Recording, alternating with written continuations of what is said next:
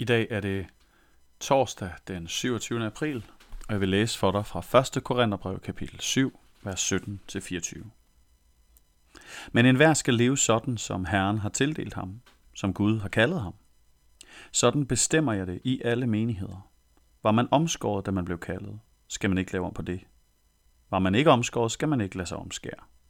Om man er omskåret eller ej, betyder ikke noget. Men det gør lydighed mod Guds bud. En hver skal blive i det kald, som han blev kaldet i. Var du træl, da du blev kaldet, så tag dig ikke af det. Men har du også mulighed for at blive fri, så benyt dig hellere af det. For den, der blev kaldet til at høre Herren til, mens han var træl, er Herrens frigivende. Lige så er den, der blev kaldet som fri kristi træl. I blev købt dyrt. Vær ikke menneskers trælle. Brødre, over for Gud skal enhver blive i det, som han blev kaldet i. Amen. Der er sådan et omkvæd her i den her del af Paulus' brev til de kristne i Korinth. I blev købt dyrt. Vi har også hørt det i kapitel 6, også tidligere. I blev købt dyrt. Gud han har betalt en høj pris for, at vi har mulighed for at have samvær med ham. Og derfor har Paulus endnu flere anvisninger til de kristne dengang og i dag. Og i dag handler det om kald, og om hvilken effekt det skal have, at vi er troende, at vi har mødt Jesus. Skal jeg skifte erhverv? Skal jeg måske tilpasse mig mere, så jeg ligner menigheden lidt mere? Skal jeg, hvis menigheden er fuld af jødekristne, lade mig omskære? Eller skal jeg, hvis menigheden er fuld af langhårede mænd med store tatoveringer, måske blive sådan? Skal jeg begynde at gå i pænt tøj, hvis alle de andre gør det? Er der sådan nogle uskrevne regler for, at så er man rigtig med? Det er jo meget menneskelige tanker. Vi har lyst til at passe ind.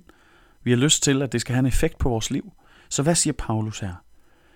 Men han siger for det første noget radikalt. Han siger, Gud har kaldet dig fra der, hvor du var. Forbliv i, den, i det kald, som du var i. Lev sådan, som Herren har givet dig at leve. Så hvis du var tømmer, før du mødte Jesus, så er der ikke nødvendigvis noget i vejen for at fortsætte som tømmer. Det er ikke ens betydende med, at dit liv skal ændres i din profession.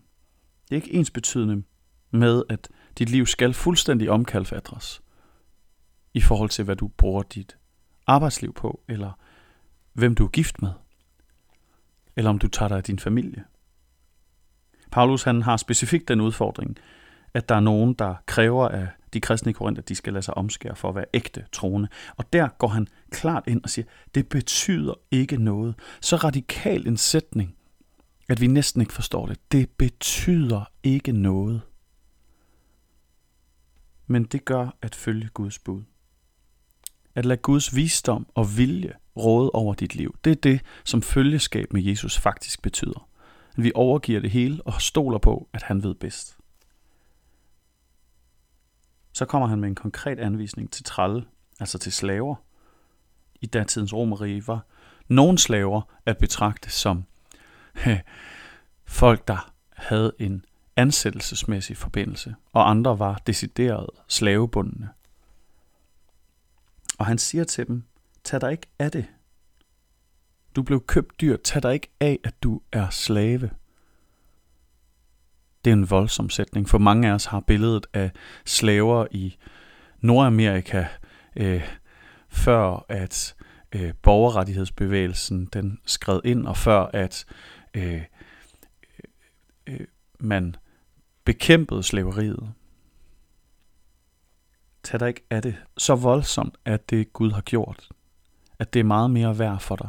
Og samtidig siger han, men har du mulighed for at blive fri, så gør det. Og her laver han en interessant modstilling. Han siger, for du, der var træl, er på grund af Jesus blevet den frigivende. Og du, der var fri, er på grund af Jesus blevet som en træl. Luther han har sådan en interessant sætning i om et kristen menneskes frihed, hvor han siger, en kristen er fri af enhver og underlagt ingen. Og samtidig er en kristen alles træl og underlagt enhver. Og jeg tror, at trykfordelingen her er vigtig. For det første, så det Jesus har gjort, gør dig fri.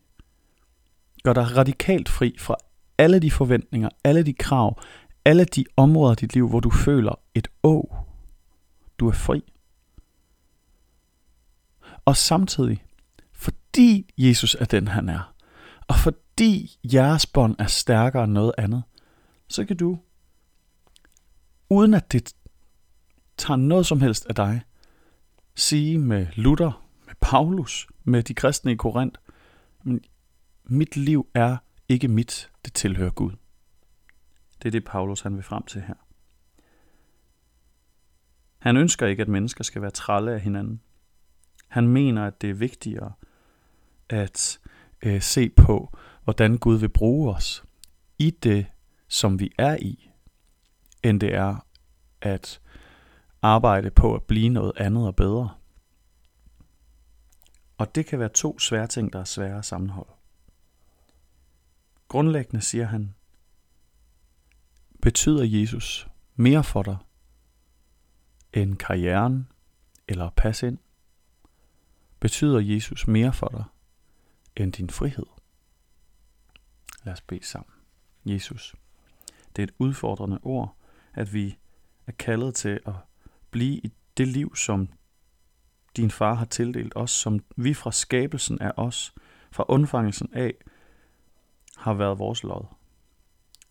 Gud, vi beder om, at du vil give os friheden, som det kræver. Du vil formidle din frihed ind i vores liv, så vi forstår, at det ikke betyder noget i forhold til det, du gør, at du købte os dyrt, at du betalte alt for os. Og Gud, så beder vi dig om, alle de mennesker, der er trælbundne, alle de mennesker, der er fanget i helvede på jord, vi beder for frihed for dem. At vi må kunne hjælpe dem, ligesom du så i Korinth, at det er bedre for mennesker at være frie fra at være trælle af hinanden. Så hvis det bliver muligt her, giv dem frihed. Amen. Kan I have en rigtig dejlig dag.